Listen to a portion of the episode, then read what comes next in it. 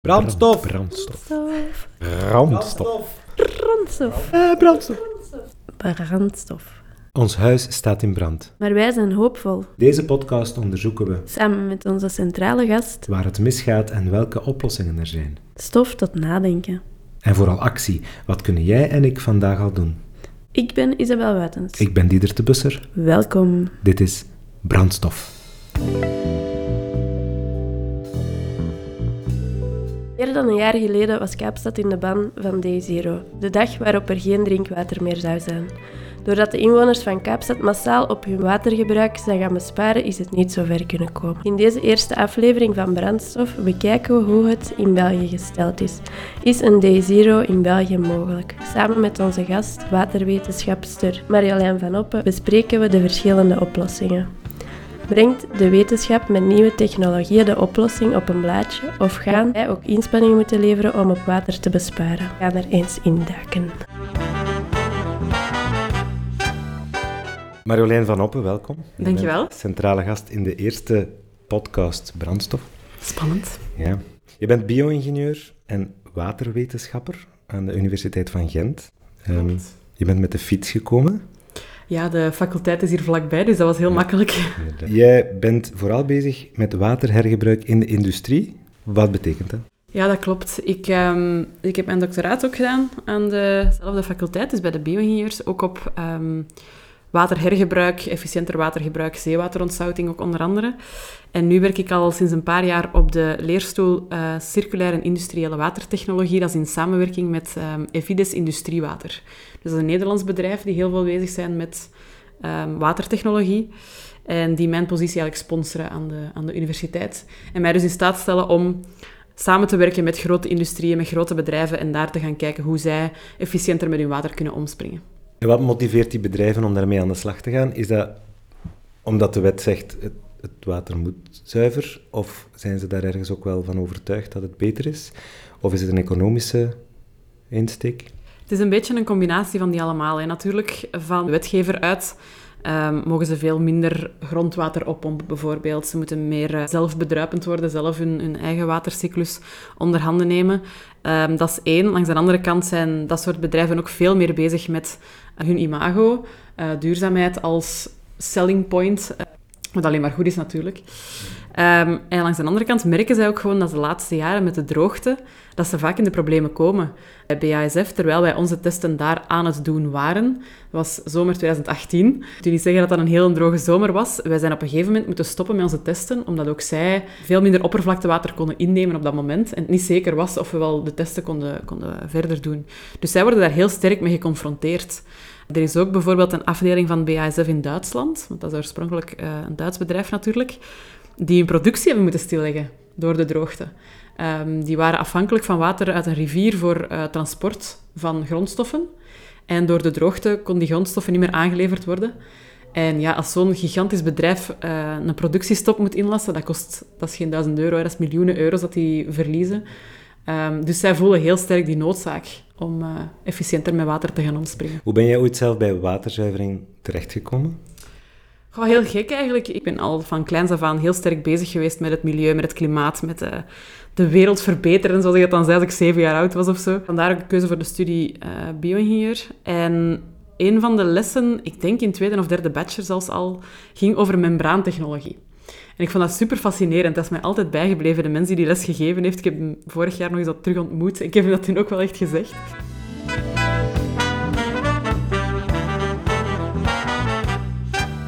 We hebben een kleine quiz voorbereid. Oei. maar, maar, niet voor u, maar voor... Allez, ik heb het voorbereid ja, voor ja, Diedert eigenlijk. Ja. Okay, ik, ik, weet nog van niet. maar ik zou graag hebben dat jij jury bent. Oké, okay, ik ga mijn best doen.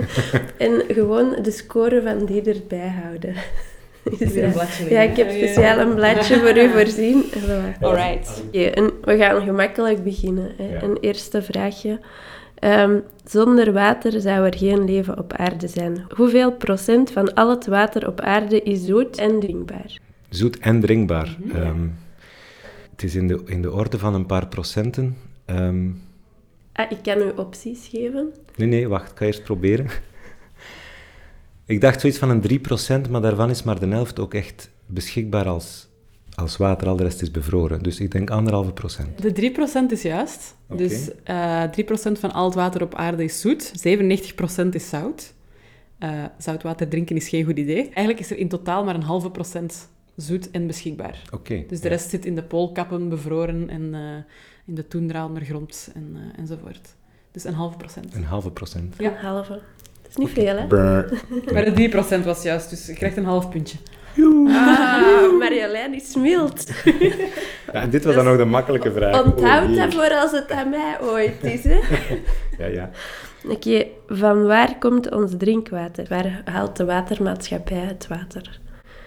En ik kan u opties geven. Ja. Eh, grondwater en water uit rivieren en meren. Regenwater. Grondwater en rioolwater. Zeewater. Ja, ik dacht het eerste, ja. grondwater en oppervlaktewater. Dus ja. Nee, dat klopt. Ja, in België halen we ongeveer de helft van ons drinkwater uit grondwater en de helft uit oppervlaktewater. Dus eh bekend voorbeeld is het Albertkanaal. Dus het is ongeveer 50-50 in België. Allee. Dat is al juist. Dat is een echt punt. Dat is echt punt. een verdiend punt. Oké, een geografisch vraagje of een aardrijkskunde vraagje. Hoe is uw aardrijkskunde normaal? Ja, die van mij is ook niet heel goed. Ik ga, zeggen, ik ga zeggen slecht, dan kan ik alleen maar... ja. Oké, dus welke is de langste rivier van België? De langste. Ja. Ik ga zeggen de Maas. Ja. Is het de Maas? Ja. Oké, ja. Goed, dat ging ik ook want ik wist dat ook niet. ja. Maar in verhouding tot andere landen hebben wij eigenlijk geen grote rivieren. Hè? Nee, nee. We hebben er inderdaad niet veel grote. En eh, de grootste ja, rivier, de Schelde bijvoorbeeld, is ook al redelijk zout als je kijkt naar eh, drinkwaterproductie. We hebben ook nog de IJzer. Ja. De Maas inderdaad is een belangrijke bron voor drinkwater. Dan nog een vraagje, eerder een weetje. Ehm, hoeveel water verbruikt de gemiddelde Belg? Ik denk een 100 liter per persoon. Ja, en ik dacht 114 een week geleden. 114? 114, Ah, ja. Oké, ja. Ja. Oké. 114 liter per persoon per dag. Dat kunnen we toch onmogelijk goedkeuren. Ja, je hebt geen marge gegeven. Niet gezegd hoeveel dat er mag naast 14 zitten. ernaast. Oké. 14 procent. Ik vind dat best al veel om ernaast te zitten. Ja, maar- Oké, dus... Mijn vrienden verbruiken veel minder en daardoor is mijn referentiekader anders. Ja, ja, ja, ja, leg het maar uit. Dus mag ik ook nog een vraag stellen? Ja? Als je nu je producten en je eten enzovoort wel in rekening brengt, hoeveel is dan? Oeh. Ja, daar heb ik geen idee van. Een veelvoud, alleszins. Maar Mhm. Je mocht er 20% naast zitten.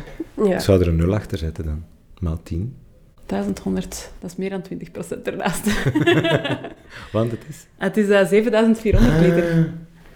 Ja, dat is gigantisch, hè. Dat is enorm, ja. ja. Ja. Dus gemiddeld in België is onze watervoetafdruk, zoals we dat dan eh, noemen, 7400 liter per persoon per dag. Een blikje cola is 330 liter water, vooral door het suikerriet bijvoorbeeld. Wow. Eh, een biefstuk is 4000 liter water. Er zijn nog een paar thee's, maar de helft van eh, koffie. Maar eh, ook nogal wat. Eh, ja, dus eh 7400 liter. Gigantisch, hè. Enorm, ja. Wat is de tussenscore eigenlijk? Het is nu, je hebt nu 2,5 punten. Op, Op vijf, vier. op vier. Op vier. Oh, oh, oh, oh, ik ben dus nog maar net Geslaagd. met de hakken over de sloot. Oké, ik heb hier eh, een fragmentje. Ja? En ehm, de vraag is, uit welke film komt dit? Uit welke film? Dat is nu al drie weken dat ik geen vis meer gegeten heb. Op mijn erewoord. En als ik lieg, draait me dan maar in de soep. Je bent echt een bron van inspiratie. Halleluja. Zo, de volgende. Ik, ik, Ja, dat lief hier vooraan. Kom maar naar hier. Hi, ik ben Dory. Hallo, Dory. En eh, wel, eh, wel, ik denk dat ik nog nooit een vis gegeten heb. Hey, dat is ongelooflijk, Dory. Fantastisch, maat.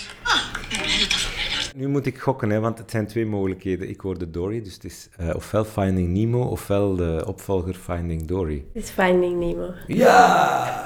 Maar eigenlijk, heb je nu, heb je nu eigenlijk geantwoord? Maar ik heb mee- Ja. Oké. Oké. 3,5 op 5. Ja. Ik, ja, dat kan nog wel wat beter. Ik denk dat we toch nog wel veel kunnen leren van Ja. Marjolein vandaag. Oké. Even waarom ik dat filmpje erin gestoken heb. Het gaat over vegetarische vissen. En daar komen we later nog op terug. Je hebt al zo lang geen vis meer. Ik heb al zo lang geen vis gegeten. Ja, Oké. Ja, ik- Ja, dat is eh, mij helemaal ontgaan. Mooi. Oké. Nee. Oké.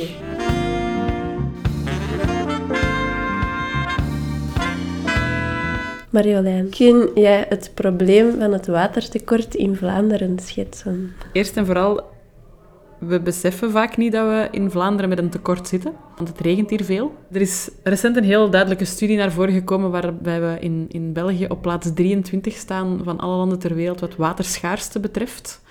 Tussen landen zoals uh, Mexico en Marokko. Dus dat was wel denk ik een wake-up call voor veel mensen van tja, dit is toch een waterschaars gebied. En hoe komt dat nu wel? We wonen met heel veel in een heel klein landje. Die mensen hebben water nodig. Dus de hoeveelheid water die binnenkomt, via rivieren, via regen, is eigenlijk relatief laag ten opzichte van wat we verbruiken. Niet alleen thuis, ook in industrie, ook in de landbouw. Daarboven zijn wij in België ook heel goed in het verharden van alle ondergrond. Vlaanderen bijvoorbeeld is voor 16% verhard. En ja, op verharde ondergrond kan regenwater niet indringen, kan niet onze grondwaterreservoirs aanvullen. Dus indien die dan valt, vangen we geen eens efficiënt op om te gaan gebruiken. En zo komen we in de problemen in Vlaanderen. Die verharding dan 16%, is dat serieus boven het Europese gemiddelde dan? Ik weet de cijfers niet van buiten, maar dat is echt wel hoog. Maar ik las bijvoorbeeld voor Gent dat al 40% is. Die verharding zorgt ervoor, uh, onder andere ook als het regent op een relatief warme dag, dat dat water dat daarop ligt gewoon terug verdampt. En dan vangen we het zelfs niet op, dan is het gewoon terug de lucht in. Um, en als het afloopt van die verharding, is het meestal naar rioleringen of naar uh, rivieren. Uh, wat op zich goed is, maar die komen allemaal wel uiteindelijk terecht in de zee. Via riolering gaat het eerst naar een waterzuivering, komt het zo terug in beken en rivieren terecht, maar dan loopt het gewoon naar de zee.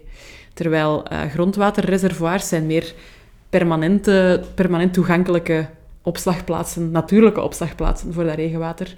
Um, waar dat we dan in drogere periodes ons water kunnen uithalen, als ook de rivieren en de, en de beken niet, uh, niet per se voldoende water hebben. Ik had begrepen dat er zo verschillende lagen zijn, grondwaterlagen, dat je zo heel diep kunt gaan. Um, en dat doordat wij niet superveel regen krijgen, dat die diepste lagen eigenlijk uitgeput geraken. En dat Vlaanderen op die manier aan het verdrogen is. Klopt dat? Ja, dat klopt. Um, je kan online, ik, ik, google het altijd, Grondwaterstand Vlaanderen is er zo'n website die dat uh, in toog houdt, waar je ook de grafiek kan zien van de niveaus.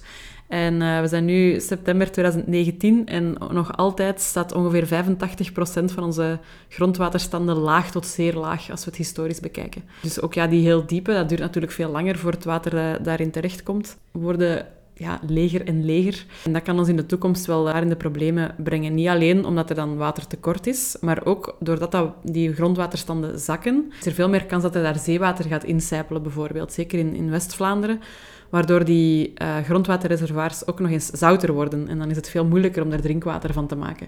Het is eigenlijk een tweeledig probleem. Te weinig zoet water voor ons om drinkwater van te maken en het wordt ook zouter, waardoor het nog moeilijker wordt. En kunnen wij dat zien? Ja, hoe dieper, hoe minder snel dat we het rechtstreeks effect zien. Uh, maar inderdaad, vooral bomen zijn heel sterk in, in ook de diepere grondlagen gebruiken. En zeker nu na zomer 2019 zien we dat heel veel bomen hebben afgezien van de droogte. En dat die ook veel sneller hun bladeren aan het verliezen zijn om, om water te besparen enzovoort. Maar het is ook wel, denk ik, de eerste keer dat we het zo zichtbaar zien nu. Uh, die grondwaterstanden op zich zijn niet heel zichtbaar. Als een, een, rivier droog staat, dat zie je direct, maar die grondwaterstanden zijn helemaal niet zo, nee, niet, niet zo zichtbaar. zichtbaar. En de grondwatertafels staan vandaag nog allemaal in het rood, wat hij zegt. Via die link heb je dat bekeken. Maar het is weer al een paar dagen goed aan het regenen. Um, mogen we optimistisch zijn? Er is berekend hoeveel regen dat we nog, uh, nog nodig hebben. Hè. Als ik me niet vergis, is het nog 300 mm regen dat we nodig hebben om die grondwaterreservoirs aan te vullen. Als je weet dat er in België gemiddeld 850 mm regen valt per jaar, dan zeg je dat nog wel wat uh, gaat moeten regenen. Hè. Uh, iemand anders zou zeggen dat we moeten hopen op een natte herfst, winter en lente als we niet volgende zomer uh, in de problemen willen geraken. Oké, okay. en een natte herfst, winter en lente betekent bijna dagelijks serieuze buien? Ja. Oké. Okay. Daar kijk ik helemaal niet naar uit. We kunnen alleen maar hopen dat dat natuurlijk s'nachts regent en overdag niet, maar uh, dat hebben we natuurlijk niet te kiezen. Hè. Ik had nog één vraag over die hele diepe grondlagen dan. Ik heb daar ook over gelezen dat decennia kan duren eer dat die dan terug aangevuld zijn. Ik denk dat het probleem vooral is dat we het er rapper uithalen dan dat aangevuld wordt. Ik weet dat er al heel wat restricties zijn op hoeveel grondwater dat bedrijven en landbouwers mogen onttrekken. Maar het is veel makkelijker om dat water er met menselijke pompen uit te halen dan dat, die incijpeling, die gaat veel trager. Inderdaad, zoals gezegd, dat kan decennia tot honderden jaren duren voordat dat water door al die bodemlagen gecijpeld is en daarin terechtkomt. Terwijl we met pompen daar liters per minuut kunnen uithalen. Dus het is dat evenwicht dat verstoord is. Wil dat zeggen dat wij vandaag gewoon er meer uithalen? Of is er echt een link ook met de klimaatopwarming? Er is absoluut eh, een link met klimaatopwarming, want de laatste jaren regent het ook al iets minder. Dus die 850 mm hebben we vorig jaar niet gehaald. En als het regent, door die ehm, klimaatverandering ga je veel extremere weersomstandigheden krijgen. Langere periodes van droogte, maar ook eh, als het dan regent, veel hevigere regen. eh, waardoor er veel meer regen valt op een korte tijd. Ehm, en dat zorgt er net voor dat veel meer van dat water direct gaat afstromen naar rioleringen, naar rivieren en dus ook weer niet kan incijpelen in die bodem. Eigenlijk hebben we een continue zachte regen nodig. eh, en dat zou ideaal zijn om alles te laten indringen in de bodem. Maar als het eh, evenveel regent op een korte periode, dan is het veel moeilijker voor dat water om door te sijpelen. Je haalde daarnet de zomer van, ik denk 2017 ook al aan. Wanneer is het eigenlijk begonnen? Als we even kijken naar de afgelopen tien jaar, als ik me niet vergis, zijn de negen warmste jaren ooit gemeten al de laatste tien jaar geweest. Ik denk dat pas vanaf inderdaad zomer 2017, 2018 is dat we echt dan met die extremere temperaturen te maken gekregen hebben, met die extremer langere periodes van droogte. Speelt wel al langer. Eh, waterwetenschappers zijn ook al makkelijk tien jaar aan het zeggen van pas op, we gaan in de problemen geraken. Maar pas sinds vorige zomer denk ik dat ook echt het besef er gekomen is van oei, we gaan hier wel eh, echt in de problemen geraken. Is er een risico dat wij binnen een bepaalde tijd gewoon niks meer kunnen halen daaruit? Ik denk dat we dat al wel een aantal jaren proberen tegen te gaan door te beperken hoeveel water dat er mag onttrokken worden. Dus ik hoop dat ze nooit leeg gaan staan. Dat zou ook niet goed zijn. We zijn volop nu aan het kijken naar ook alternatieve waterbronnen. Er zijn veel bedrijven, veel landbouwers die beginnen kijken niet alleen naar, naar oppervlaktewater um, om te voldoen aan hun watervraag, maar ook die meer regenwater beginnen opvangen zelf bijvoorbeeld. Of die gaan kijken naar uh, hergebruik van afvalwater om in de landbouw te gaan gebruiken. Um, dus zijn die alternatieven dat we nodig hebben om ervoor te zorgen dat die grondwatervoorraden niet uitgeput geraken. Dat wil eigenlijk trouwens ook zeggen dat we niet alleen in de zomer, als het heel droog is, moeten gaan opletten met water dat we verbruiken, maar eigenlijk het hele jaar door, zodat we die grondwatervoorraden ook de kans geven om in de winter, periodes dat het sowieso meer regent, om dan die voorraad terug op te bouwen. Dus we moeten ons niet alleen bewust zijn in de zomer, als het droog is, van oei, we moeten minder water verbruiken. Eigenlijk is dat heel het jaar door belangrijk, zodat we die voorraden de kans geven om aangevuld te geraken.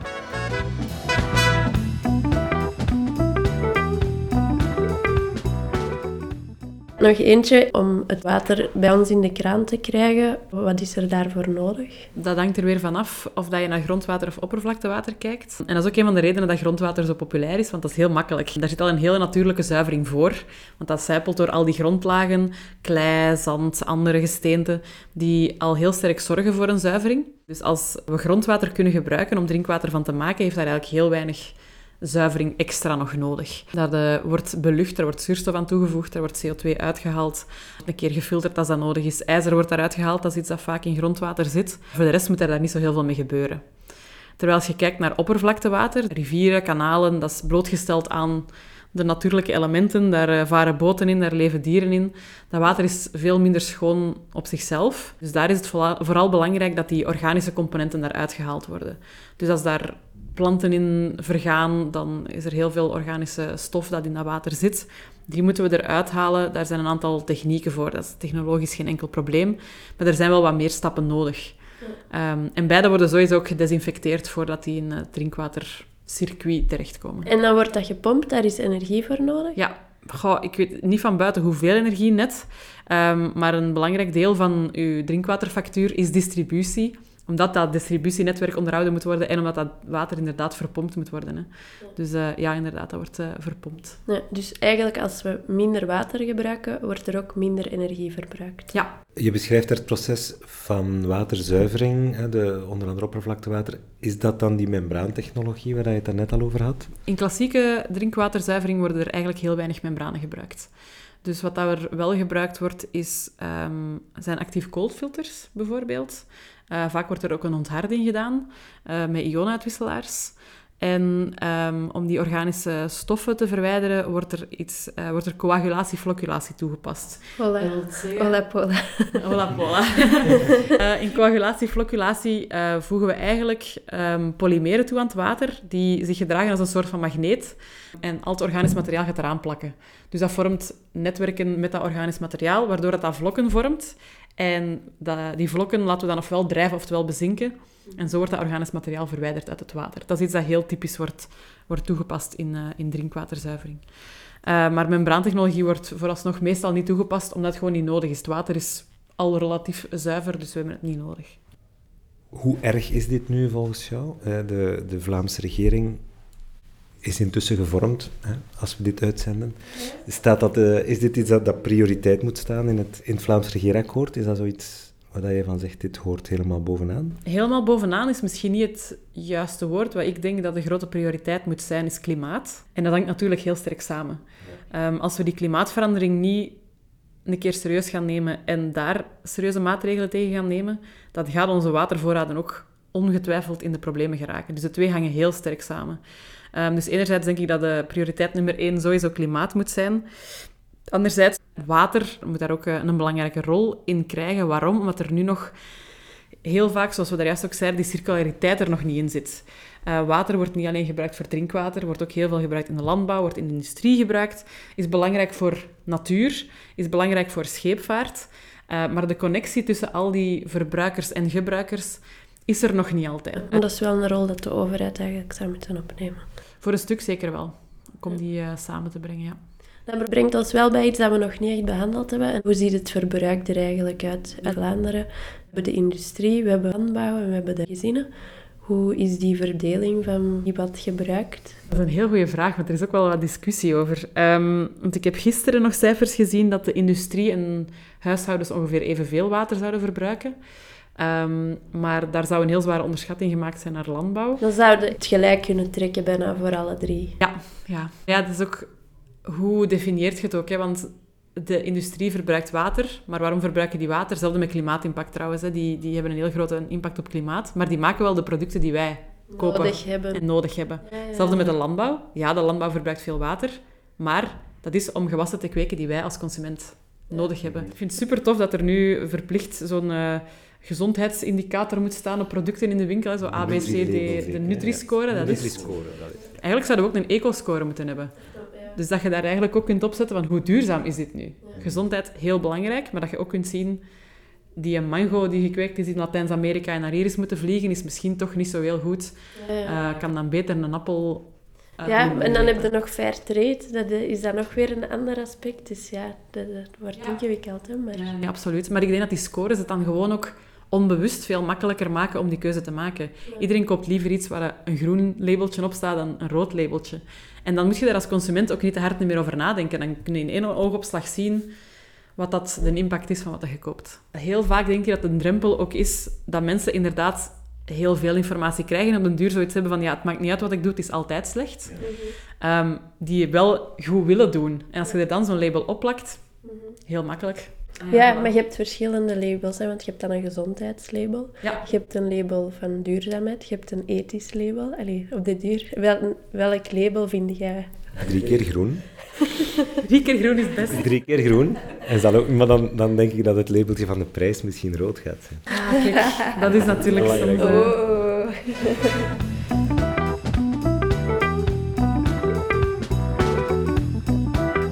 En bij zo'n afschakelplan wordt daar dan op gelet. Allee, het is niet dat ze zeggen van landbouw krijgt voorrang of de industrie krijgt voorrang. Ze kunnen daar heel specifiek op gaan van die bedrijven hebben voorrang. Daar vrees ik een beetje voor. Dat afschakelplan staat ook nog lang niet op punt. Dus ze zijn eh, volop in discussie.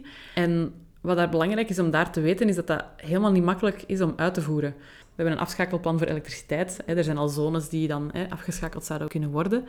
Maar bij elektriciteit is dat veel makkelijker. Je kan in die tussenstations gaan zeggen van oké, dit wordt nu afgesloten, dus dat gebied zit zonder elektriciteit.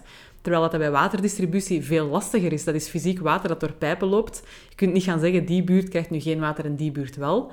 Dat bedrijf niet, dat bedrijf wel. Dat is veel lastiger om, om in praktijk te gaan, eh gaan Het is erop voorzien om iedereen van water te voorzien, maar niet echt om de kraan dicht te draaien. Nee, inderdaad. Voilà. Dus een afschakelplan in de praktijk zou erop neerkomen dat de mensen of de verbruiker zelf gevraagd wordt om gewoon te stoppen met water te verbruiken. Ik denk het wel. Ik zeg het, het staat nog niet op punt en het is nog een beetje uitzoeken hoe dat, dat praktisch allemaal in zijn werk gaat gaan. Maar het zal inderdaad eerder die richting uitgaan. Dat er strengere restricties gesteld worden voor bepaalde sectoren, voor bepaalde bedrijven. En dan kan je natuurlijk wel gaan, eh, gaan eh, diversifiëren naar welke bedrijven wel en niet. Maar er is ook nog geen duidelijke prioriteit van landbouw komt eerst of huishoudens komen eerst. Of, dat, dat is er ook nog niet. Ehm, ik denk dat die implementatie in de praktijk ook heel moeilijk is, want als mensen weten, mijn water gaat afgesloten worden morgen van dan tot dan, ja, dan vult je een paar remmers en dan zit je nog altijd met, eh, met een probleem. Dus ik weet niet hoe dat ze dat in praktijk uitvoeren. Ja, bij de Zero in Zuid-Afrika hebben ze dan eigenlijk de kranen denk ik gewoon dicht gedaan. En dan moest iedereen een bidon van 50 liter gaan vullen. En dat werd dan met politiebewaking heel hard in toog gehouden. Ik hoop dat wij daar niet naartoe gaan.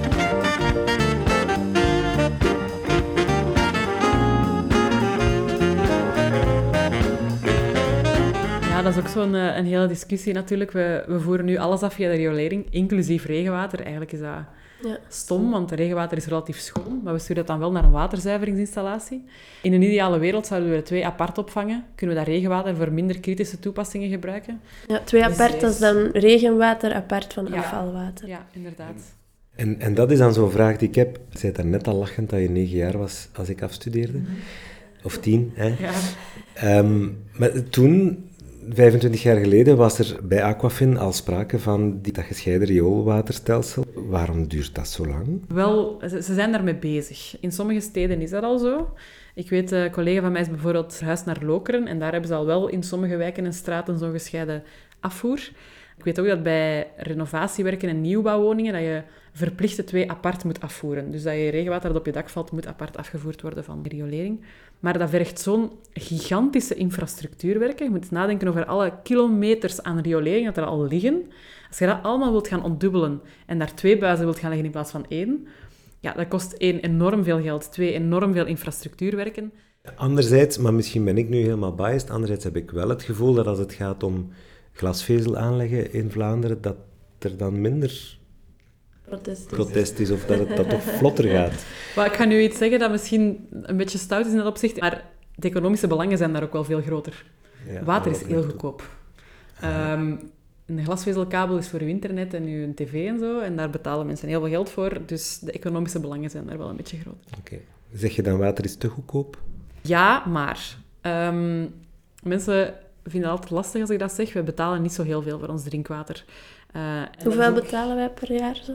Goh, ik denk dat wij, als je op je drinkwaterfactuur staat, dat hoort, hangt van regio tot regio af, van, van je leverancier af, maar een algemeen getal is 5 euro per kubieke meter. Dus 5 euro voor 1000 liter water, denk ik. Zoiets ongeveer. En daar zit ook al distributie enzovoort in. Dus je waterzuivering is daar maar een, een stukje van. Weet jij nou hoeveel dat je per jaar betaalt aan water? Ga ik er gewoon mijn factuur van TNWV bij halen? Ja, dat lijkt me een goed idee. maar je bent zo'n bespaarder, hè? Bij u gaat dat goed meevallen. Ja, wij gebruiken regenwater voor ons wc's en ons wasmachine. Dus bij ons, wij zitten aan minder dan 30 liter per persoon per dag momenteel. Is Ja, in huis, hè. Maar in die 114 liter zit ook, als je het wc doortrekt op je werk en zo, zit er ook bij. Hè. Dus dat, kun, dat zit er niet op je drinkwaterfactuur. En die zit er ook bij, ja. Ah ja, dat is waar. Ja, en dat water dat wij er drinken en die thee telt dan ook daarmee mee. Ja, maar de grootste verbruikers zijn eh het toilet en je douche en je bad en je wasmachine. Dat zijn de drie grootste verbruikers. Drink gerust kraanwater, die een liter of twee per dag. Dat gaat niet zien op je drinkwaterfactuur. Nee, nee, nee, dat is waar. Nee, vooral als het geen kraanwater is, dan drink je andere dingen die dan weer veel meer water Ja. kosten. ja, één liter fleswater is drie liter water verbruikt. Hè. Oké. Dus eh een belangrijke. Ja, terwijl dat ieder het verder zoekt, is er eigenlijk genoeg water. Voor België, voor de wereld, Neem voor Vlaanderen. momenteel is er genoeg water. Er is geen probleem. Je kraan gaat niet, er gaat water blijven uitkomen de komende tijd. Ik denk we ons daar op de korte termijn zorgen over moeten maken. Maar de bevolking blijft stijgen, ook in België. Als ik in de lagere school zat, dan leerden wij nog dat er 9 miljoen mensen in België leefden. Ik denk dat het ondertussen 11, 12 is, zoiets. Oeh, zit wel aan Ik 12. dacht dat wij aan 11 of 10 zaten. Nee. Zoiets, oh ja, het, zal zo, het gaat omhoog. Dus wij vernietigen geen water, gelukkig, door het te gebruiken. Maar die een halve procent blijft wel hetzelfde. Dus de totale hoeveelheid water die we ter beschikking hebben, verandert niet. Maar er zijn wel meer mensen die allemaal water verbruiken. Ehm, dus in dat opzicht moeten we een beetje gaan oppassen. Maar ik was ook aan het denken, want als verbruik samen met regen dat er valt, komt er dan aan genoeg water uit. De reden dat België als waterschaars gebied wordt bestempeld is omdat de regen die valt, dus het water dat we op een natuurlijke manier binnenkrijgen, daarvoor, wacht hoor, 40 tot 60 of 60 tot 80 procent van onze verbruik voldoet. Ja. Dat lijkt alsof er meer dan genoeg is, maar regen valt niet continu. En we kunnen ook niet sturen wanneer dat we dat gaan binnenkrijgen. Dus dat wil gewoon zeggen dat wij gevoeliger zijn aan periodes van droogte en dat wij dan sneller in de problemen gaan komen. Al het water dat wij verbruiken heeft waarschijnlijk ook ooit in een dinosaurus gezeten. Maar dat is dan het voordeel van Allee, het voordeel van dat we water niet eh, vernietigen. Ja, water leeft altijd verder in Ja. iets Ja. of iemand.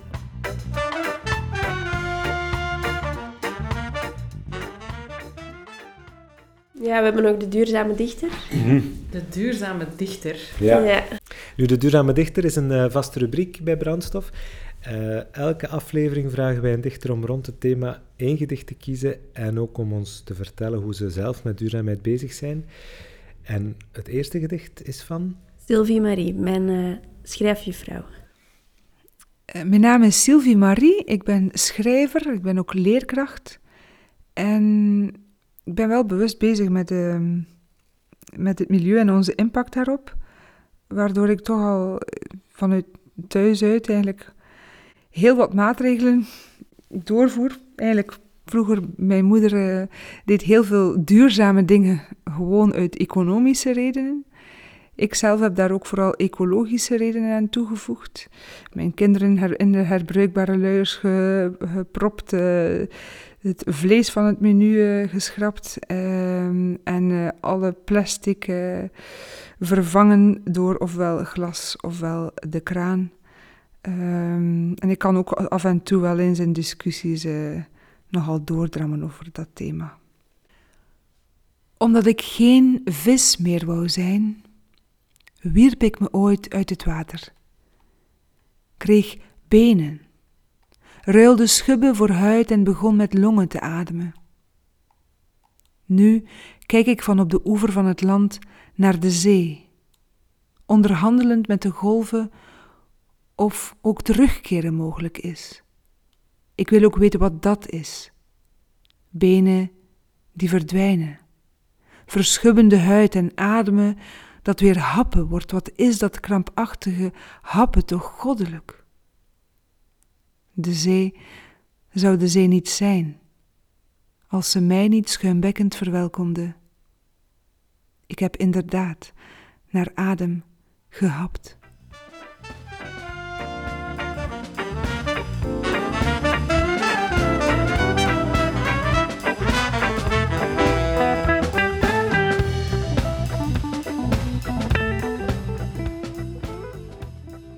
Ik heb intussen mijn Ja, waterfacturen alright. gevonden. Ik betaal, inclusief btw, 96 euro per drie maanden. Dus dat is Maar- 400 euro per jaar. Oeh, dat is wel veel Toch eigenlijk. veel, jullie zijn met... Met bier. Dat is best wel meer dan ik dacht. Ja. Nu, ja, onder andere, een van de redenen is ook, wij wonen in een oud huis. Ik hoor jou zeggen dat je regenwater gebruikt voor... Voor eh, toiletten en voor eh, wasmachine en voor tuin. Is bij ons niet, omdat dat niet kan. We hebben een klein regenwaterput in de tuin en daar zit één kraan op. En die gebruiken we dan om planten water te geven. Maar we kunnen die niet aansluiten op onze leidingen in huis. Dus dat, eh, ja, dat zou wel gaan, maar dat vraagt dan ook weer serieuze verbouwingen. Maar ook over die prijs trouwens. Ik, ik zeg altijd van, wij betalen eigenlijk niet zo heel veel voor ons drinkwater. Waarmee ik niet wil pleiten voor een verhoging van de drinkwaterfactuur. Ik denk dat er inderdaad zo'n bepaald verbruik normaal mag zijn. En dat kan dan die 114 liter zijn. Dat hangt er een beetje van af. Ik denk dat er wel berekeningen zijn die kunnen uitrekenen van zoveel verbruik zou, is duurzaam en is normaal. En dan mensen die twee keer per jaar hun zwembad willen vullen en iedere week hun auto willen wassen, mogen dan van mijn part eh, wat meer betalen voor dat extra water dat ze verbruiken.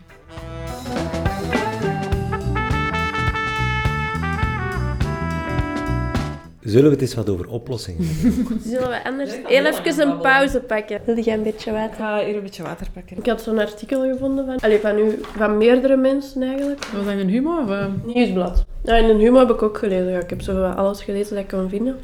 En dat zijn zo tien tips om zo te besparen. Ah, juist, ja, dat. hè. Oh, dat was een heel raar gesprek. Waar heeft daar eigenlijk ingezet? Ik heb dat nooit gelezen. Ik vond dat niet zo slecht. Ik vind die tips wel goed. Het zijn eenvoudige tips zo.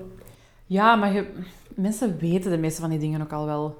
Het zijn zo de, de dingen van zet een emmer onder je douche om zo het koud water op te vangen. Of Vind ik onder- wel een goeie. Ja, of als je groenten... Ik doe dat wel nog niet, maar... Ja. Een bakje kopen, zo. Maar Dieders doet dat wel, hè. Want het zijn veel mensen dat dat En doen. die, ja, en die gebruikt dat water dan voor koffie en thee te zetten.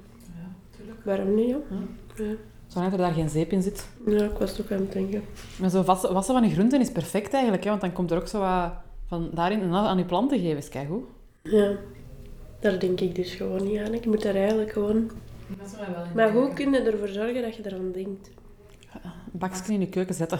Dat gewoon permanent in je Een bassin. ja, pompbak. Dat is zo grappig, zo dat richting zit. Niet altijd doorspoelen als je naar het wc gaat. Wat vind ik wel een goede tip eigenlijk. Dat gaat wel st- die staat er van u in thuis. Ja, ik weet het. Van uw- Van je grootmoeder. Maar dat was meer uit, uit gierigheid, ga ik het noemen.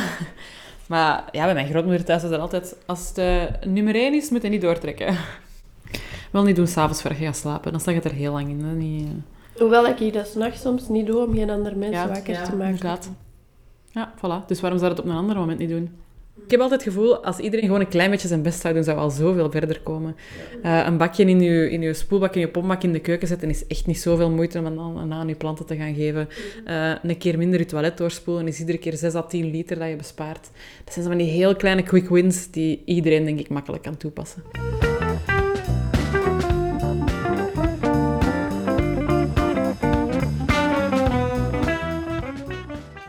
14 van de 20 grootste steden hebben te kampen met watertekort en droogte. Bijna 4 miljard mensen heeft minstens één maand per jaar watertekort. Is water het nieuwe goud? Gezien dat jullie ook zo een project met India hadden gedaan, wat zijn daar juist de problemen? Want die hebben toch moessonregens. Wat dat we meer en meer zien, en dat komt opnieuw terug naar die klimaatverandering, is dat droge gebieden het nog lastiger krijgen en dat sommige regenseizoenen gewoon uitblijven. En dan komen ze daar heel snel in de problemen. Er is zo'n heel goed voorbeeld, um, Tjaad in Afrika. Het is een heel groot meer, Lake Tjaad, dat zo ja, bepaalde momenten bijna droog staat. Terwijl dat uh, grenst aan vier landen. Er zijn superveel mensen die daarvan afhangen voor hun levensonderhoud. En door luchtvervuiling en klimaatverandering zijn regens die daar normaal elk jaar vallen, vallen die nu meer zuidelijk. Dus ja. dat patroon is veranderd. Dat meer is gigantisch aan het uitdrogen. Gevolg, mensen beginnen uit die regio weg te gaan naar grote steden, waar vaak al conflicten of spanningen zijn. Dat wordt dan alleen maar verergerd. En zo zorgt het er ook voor dat heel veel ja, conflicten gewoon uit de hand lopen. Er zijn ook studies die de Syrische vluchtelingencrisis linken aan klimaatverandering, aan droogte. En dat is een ander, een ander soort waterproblematiek. Door de klimaatverandering gaat de zeewaterspiegel stijgen. Als je dan gaat kijken naar hoeveel mensen dat er in gebieden leven die onder water gaan komen te staan, kun je zo wat proberen in te schatten hoeveel vluchtelingen dat er daar gaan ontstaan. De, de grote uitdaging daar is dat 80% van de wereldbevolking binnen ongeveer 100 kilometer van een kust woont. Dus dat is gigantisch veel volk. En dan moet je rekenen op toch gemakkelijk 40 miljoen vluchtelingen. Ja. De Syrische vluchtelingencrisis was 1 miljoen vluchtelingen naar Europa. Dus in perspectief plaatsen Ja, ja. hoe dat nog kan worden. Daar straks had je ook iets gezegd dat de, een gecombineerd probleem, enerzijds grondwatertafels die zakken en daardoor ook risico dat er zeewater eigenlijk naar binnen stroomt. Wordt dat dan nog eens versterkt door stijging van de zeewaterspiegel? Gaan er, is dat dan een bijkomende druk op die grondwatertafels? Is er Ja. nog meer risico? Ja, absoluut. Eh, we zien doorheen de afgelopen jaren dat zo het plaats tot waar zout water het land binnenkomt, zogezegd, dat dat echt aan het opschuiven is meer en meer naar het binnenland toe. Ehm, onder andere door onttrekken van eh, die grondwatertafels, maar ook door stilletjes aan die stijging van zeewater ook. We hebben daar straks gehad over uw eh, watervoetafdruk, dat dat 7400 liter is per persoon. Nu, dat water, die 7400 liter, wordt niet allemaal in België Nee. dan. Eh, iets wat bijvoorbeeld heel waterintensief is, zijn noten. Eh, er groeien niet veel noten in België, behalve okkernoten. Goeie. Voor het moment veel. Ja, voilà. Ehm, maar amandelen, eh cashewnoten, zo dat soort dingen, dat kost heel veel water. Groeit niet bij ons. Koffie, hetzelfde. Eh, bananen, dat is nu niet per se speciaal heel waterintensief, maar toch. Zeg nu niet chocola ook. Cacaobonen. ehm, Maar ehm, Dat groeit niet in Bellen, hè. nee, nee, dat hebben we hier niet.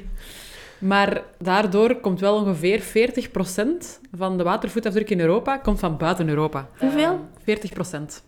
Ah, ja. Dus van die 7400 liter. En in België Europa. Is, in Ja. België is het nog meer. Dus dat is het gemiddelde van heel Europa. Maar dat wil zeggen dat dat water is dat wij verbruiken in andere gebieden. Ja. Gebieden die vaak nog veel meer te kampen hebben met droogte. Ja. Uh, maar die mensen overleven daar op landbouw. Dus ja, die, die gebruiken dat water dan daarvoor.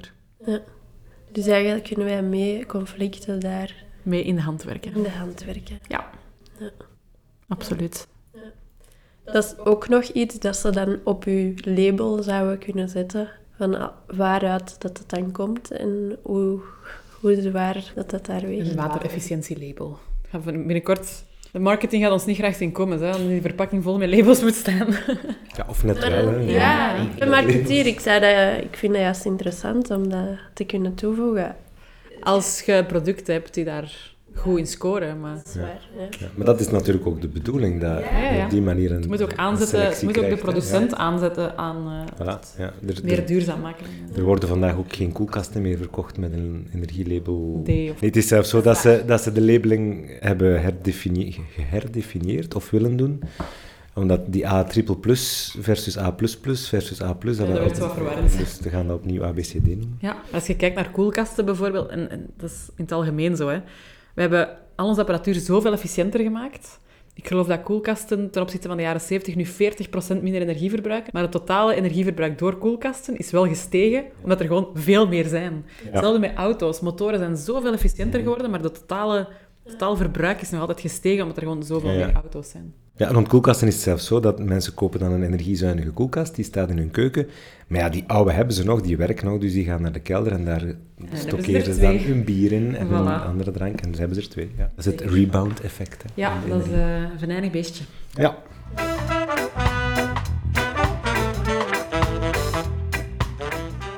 Oké, oplossingen. Oplossingen.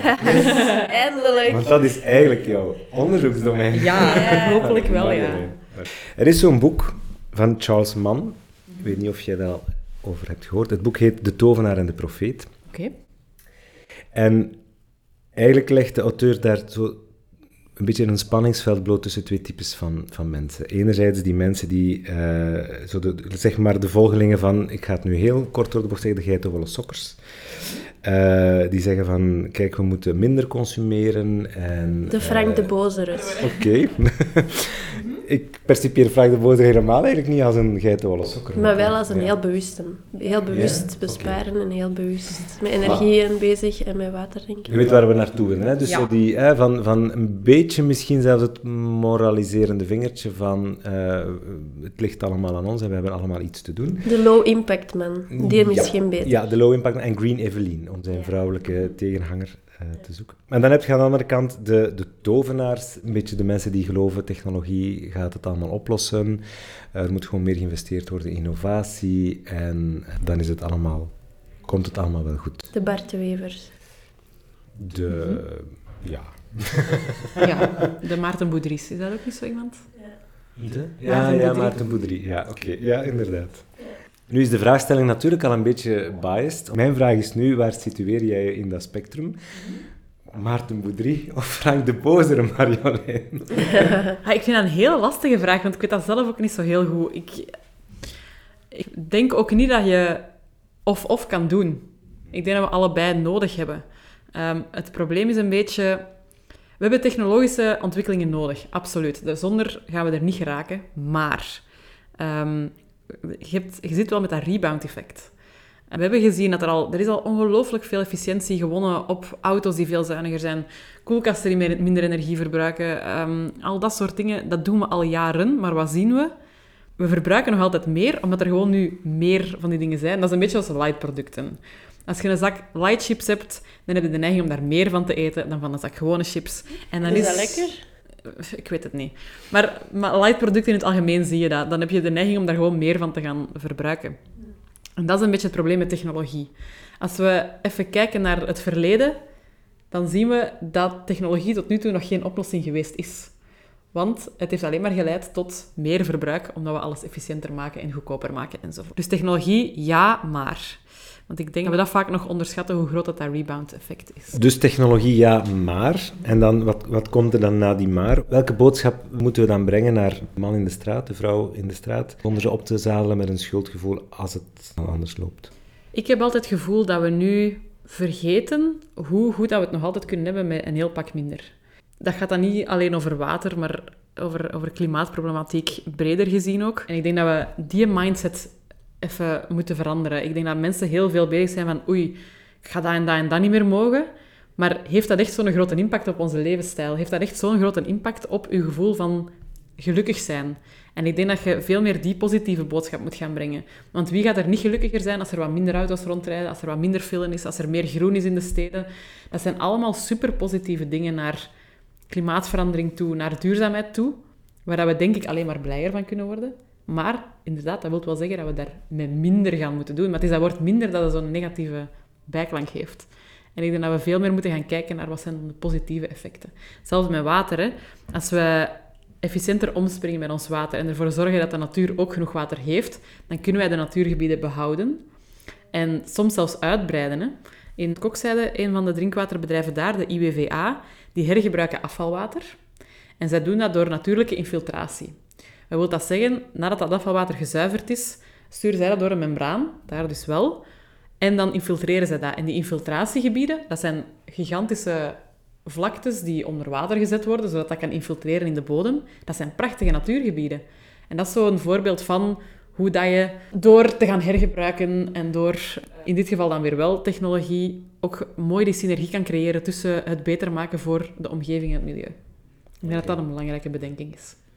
Dus het is eigenlijk het, het positieve verhaal koppelen aan wat dat we van mensen verwachten, eerder dan met een vingertje te wijzen dat het met minder moet of dat het... eh, ja. Pas op, het moet met minder. Hè? En ik denk dat we ook moeten durven die harde boodschap brengen. Als we willen dat onze planeet nog leefbaar is binnen dit en, en 50 à 100 jaar, dan moet het met minder. En dat gaat pijn doen, je moet daar niet onnozel over doen. Maar er gaan ook heel veel positieve dingen uitkomen. En moet het ook met minder water? Die 114 liter is dat te veel. Moeten wij gaan minderen? Ik denk dat we vooral moeten efficiënter omspringen met dat water. Het kan met minder dan 114 liter per dag, dat is zeker. Maar als je bijvoorbeeld efficiënter regenwater gaat hergebruiken... Ik verbruik waarschijnlijk ook rond de 100 liter water per dag, maar op mijn drinkwaterfactuur staat maar 30 liter water per dag, omdat wij regenwater gebruiken om ons toilet door te spoelen, om onze was mee te doen. Dat, zou, dat is al een hele grote stap vooruit, want dat drinkwater is eigenlijk van te goede kwaliteit om te gaan gebruiken om uw wc door te spoelen. Dus dat is al energie die je uitspaart voor je waterzuivering, voor je distributie. En dat is al water dat, ja, dat dan veel efficiënter gebruikt wordt. Ik denk dat we meer in die richting moeten gaan kijken dan echt zeggen het moet met minder. Ik las ergens dat je daar ook iets in ziet om in de toekomst dat je per wijk een soort regenwater bassin maakt, waar dat de wijk dan water uithaalt voor dan een wasmachine en tuin en zo. Ja, die individuele regenwaterputten zijn super, maar bijvoorbeeld op wijkniveau, vaak hebben die mensen maar een klein tuintje, ehm, daar heb je niet veel plaats om een gigantische regenwaterput onder de grond te steken, maar dan heb je in die wijk wel bijvoorbeeld een parking. En onder die parking zou je perfect een gigantisch bassin kunnen steken om dan regenwater op te vangen en dan in die wijk te gaan gebruiken voor dat soort toepassingen. Dat zou perfect kunnen. Een beetje zoals warmtenetten, maar dan... Maar dan voor water. Ja. Oké. Maar er zijn ook zo wat tussenoplossingen. Hè. Dus ehm, in nieuwe wijken bijvoorbeeld zie je heel vaak dat er zo van die ehm, soort van tegels gelegd wordt waar dat wel nog gras kan tussen groeien en waar het water dus wel nog kan incijpelen, maar waar je wel perfect met een auto kan overrijden zonder vast te geraken. Dus dat zijn dan wel goede oplossingen, want het Ja. water kan wel indringen zonder dat je aan functionaliteit van die verharding moet inboeten. Maar ik denk dat je dat op veel plaatsen al ziet als ze hun parkings zo inrichten. Dat zijn zo van die parkings waar dat je dan als je hakken aan hebt, dat je zo overal blijft steken. Dat is de reden waarom ik nooit hakken aan doe. Ik ook niet trouwens, maar... Ja, ik dus wel. Maar ik ben dan ergens wel positief. Het gaat tenminste water doorlaten. Voilà.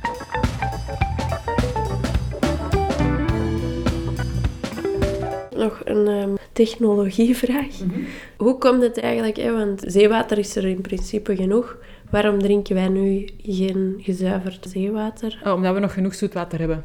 En omdat het gewoon makkelijker is om uit zoetwater drinkwater te maken dan uit zeewater. Ja. Ehm, er zijn veel gebieden in de wereld, denkbaar aan Saudi-Arabië, Israël, die kanten, die al tientallen jaren zeewater drinken. Gezuiverd natuurlijk, dus het zout is er dan wel uitgehaald. Omdat die niet die luxe hebben van oppervlaktewater en van grondwater die wij hier wel hebben. Dus uit noodzaak drinken die al, maken die al heel lang eh, drinkwater uit zeewater. Het nadeel daar is dat dat heel veel energie kost. Eh, het grootste nadeel aan zeewater is al dat zout dat erin zit. Ons lichaam is niet gemaakt om daarmee om te gaan. Als we gewoon zeewater drinken, één, dat is niet lekker. Twee, dat is echt geen goed idee. Ehm, maar om al dat zout er te kunnen uithalen, dat kost wel heel veel energie. Je kunt dat oftewel doen door je water te koken. Het is dan iets technologisch iets ingewikkelder, maar daar komt het wel op neer. En dan de damp op te vangen, want zout kookt niet mee. Dat eh, blijft dan achter. Of eh, door je zeewater door een hoogtechnologische filter te duwen, eh, die dan het water wel doorlaat, maar het zout tegenhoudt. Maar omdat er zoveel zout in zit, is de druk die je daarvoor nodig hebt ook immens hoog en kost dat allemaal heel veel energie. Ik las dat er een project was met De watergroep, de watergroep. Ja, ook in België zijn we er ook meer en meer wel naar aan het kijken. Ehm, vooral op momenten dan dat, eh, dat er veel droogte is natuurlijk. En we doen wel onderzoek naar hoe we dat duurzamer kunnen maken. Dus er zijn wel een paar pistes eh, om ervoor te zorgen dat we dat, eh, die energievraag wat naar beneden kunnen halen. Of dat we daar slimmer mee kunnen omgaan. Door bijvoorbeeld op momenten dat er lage energievraag is, maar wel veel energie geproduceerd wordt door de mintwolens op zee bijvoorbeeld, om dan die energie te gaan gebruiken om zeewater te ontzouten. En als je zegt, die zuivering kost heel veel energie, maar je zegt zelf al, er is op bepaalde momenten ook een overschot aan energie. Als er veel wind is op zee, als er veel zon is. Zijn daar al berekeningen rond van hoeveel van onze watervraag we op die manier zouden kunnen zuiveren? Want dan, dan hebben we twee problemen ineens opgelost. Dat is een heel goede vraag, we zijn daar op dit moment mee bezig. Dus we zijn nu een project aan het doen met de watergroep, die eh, heel geïnteresseerd zijn eh, om te gaan kijken naar die zeewaterontzouting. En eh, samen met Vito en Energyville ehm, zijn we nu berekeningen aan het doen om te kijken hoe we dat kunnen integreren. Dus Energyville heeft eh, heel veel kennis rond die windmolenparken. Wanneer is er overschot? Hoeveel is dat dan? Hoeveel hebben we nodig om drinkwater te maken? En we zijn daar aan het proberen om dat zo goed mogelijk op elkaar af te stemmen. Dus dat is nog een beetje de vraag. We zijn nog niet, er nog niet helemaal uit hoe dat dan net uh, in zijn werk gaat gaan. Oké. Okay.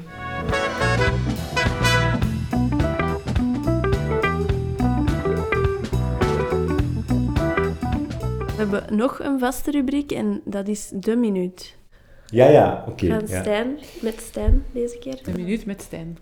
ja, het is niet altijd, niet met, Stijn. altijd met Stijn. De minuut is een sociale ondernemer die we één minuut de tijd geven om zijn of haar bedrijfje voor te stellen. Ja. Uh, dus deze keer was dat Stijn van Hoestenbergen van Omega Bars. Dat is een ket of bedrijf.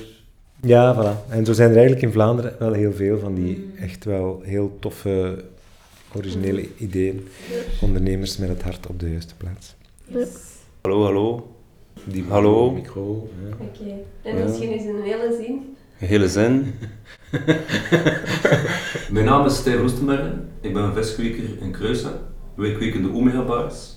De Omega Bars is een vegetarische vis. Dat wil dus zeggen dat wij geen vis nodig hebben uit de zee, die als visvoeder moet dienen. Wij kweken daarboven de Omega Bars in een recirculair systeem. Dat wil zeggen dat wij al ons water zuiveren. Wij gebruiken het regenwater die valt op de daken van onze buren. Dat zijn grote tomatenservices van ongeveer 20 hectare. Wij kweken de vis in dat regenwater. Wij voegen meststoffen, of de vis liever voegt meststoffen toe aan het regenwater.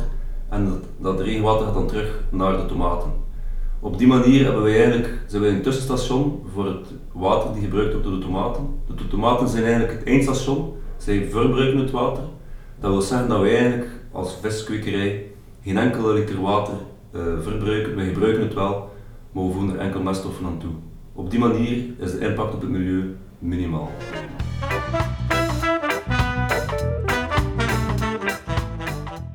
Misschien even naar beleid toe. Zijn er drie dingen die dat jij zou veranderen of inzetten waar je niet te lang over moet nadenken, moest jij minister worden van water? De waterminister. De waterminister. Oei, oei, dat vind ik een heel lastige.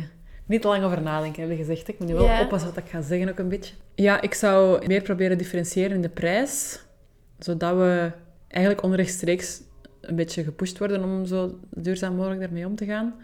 Ehm, ik zou ook eh, meer inzetten op infiltratie van regenwater.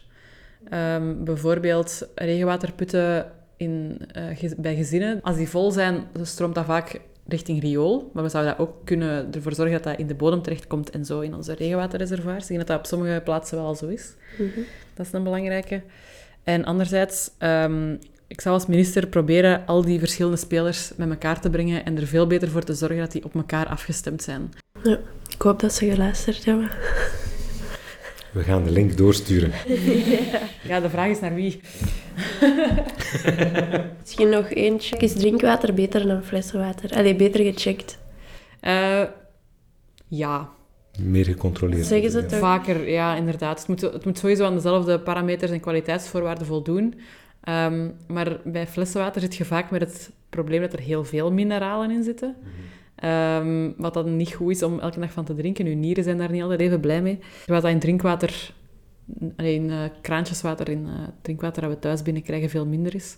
Maar het wordt super streng gecontroleerd, hè, allebei. We hebben een blaadje met een checklist eigenlijk van wat dat je kunt doen thuis. De Low Impact Man. Impact Man? Even zeggen misschien dat de Low Impact Man Steven Vrooman is. Ja, Steven Vrooman. Eh, een, iemand die een jaar lang, dacht ik, eh, geprobeerd heeft om zijn levensstijl helemaal aan te passen en een zo laag mogelijke milieu-impact te Ja. hebben. En die heeft daar een boek over geschreven met allerlei concrete tips. Onder andere rond hoe verbruik ik minder drinkwater. Ja, dat zit erin. En ehm, hij heeft op het einde een checklist en ik heb daar zo de watervragen uitgehaald. Oké. Ja, we zullen die ook op de website zetten, zodat iedereen kan checken wat hij, hoe goed dat hij daarop Ja. scoort. Oké. We hebben ook er eentje voor u. En eh, we kunnen misschien eens kijken wie van ons drie op dat gebied het beste bezig is. Oké.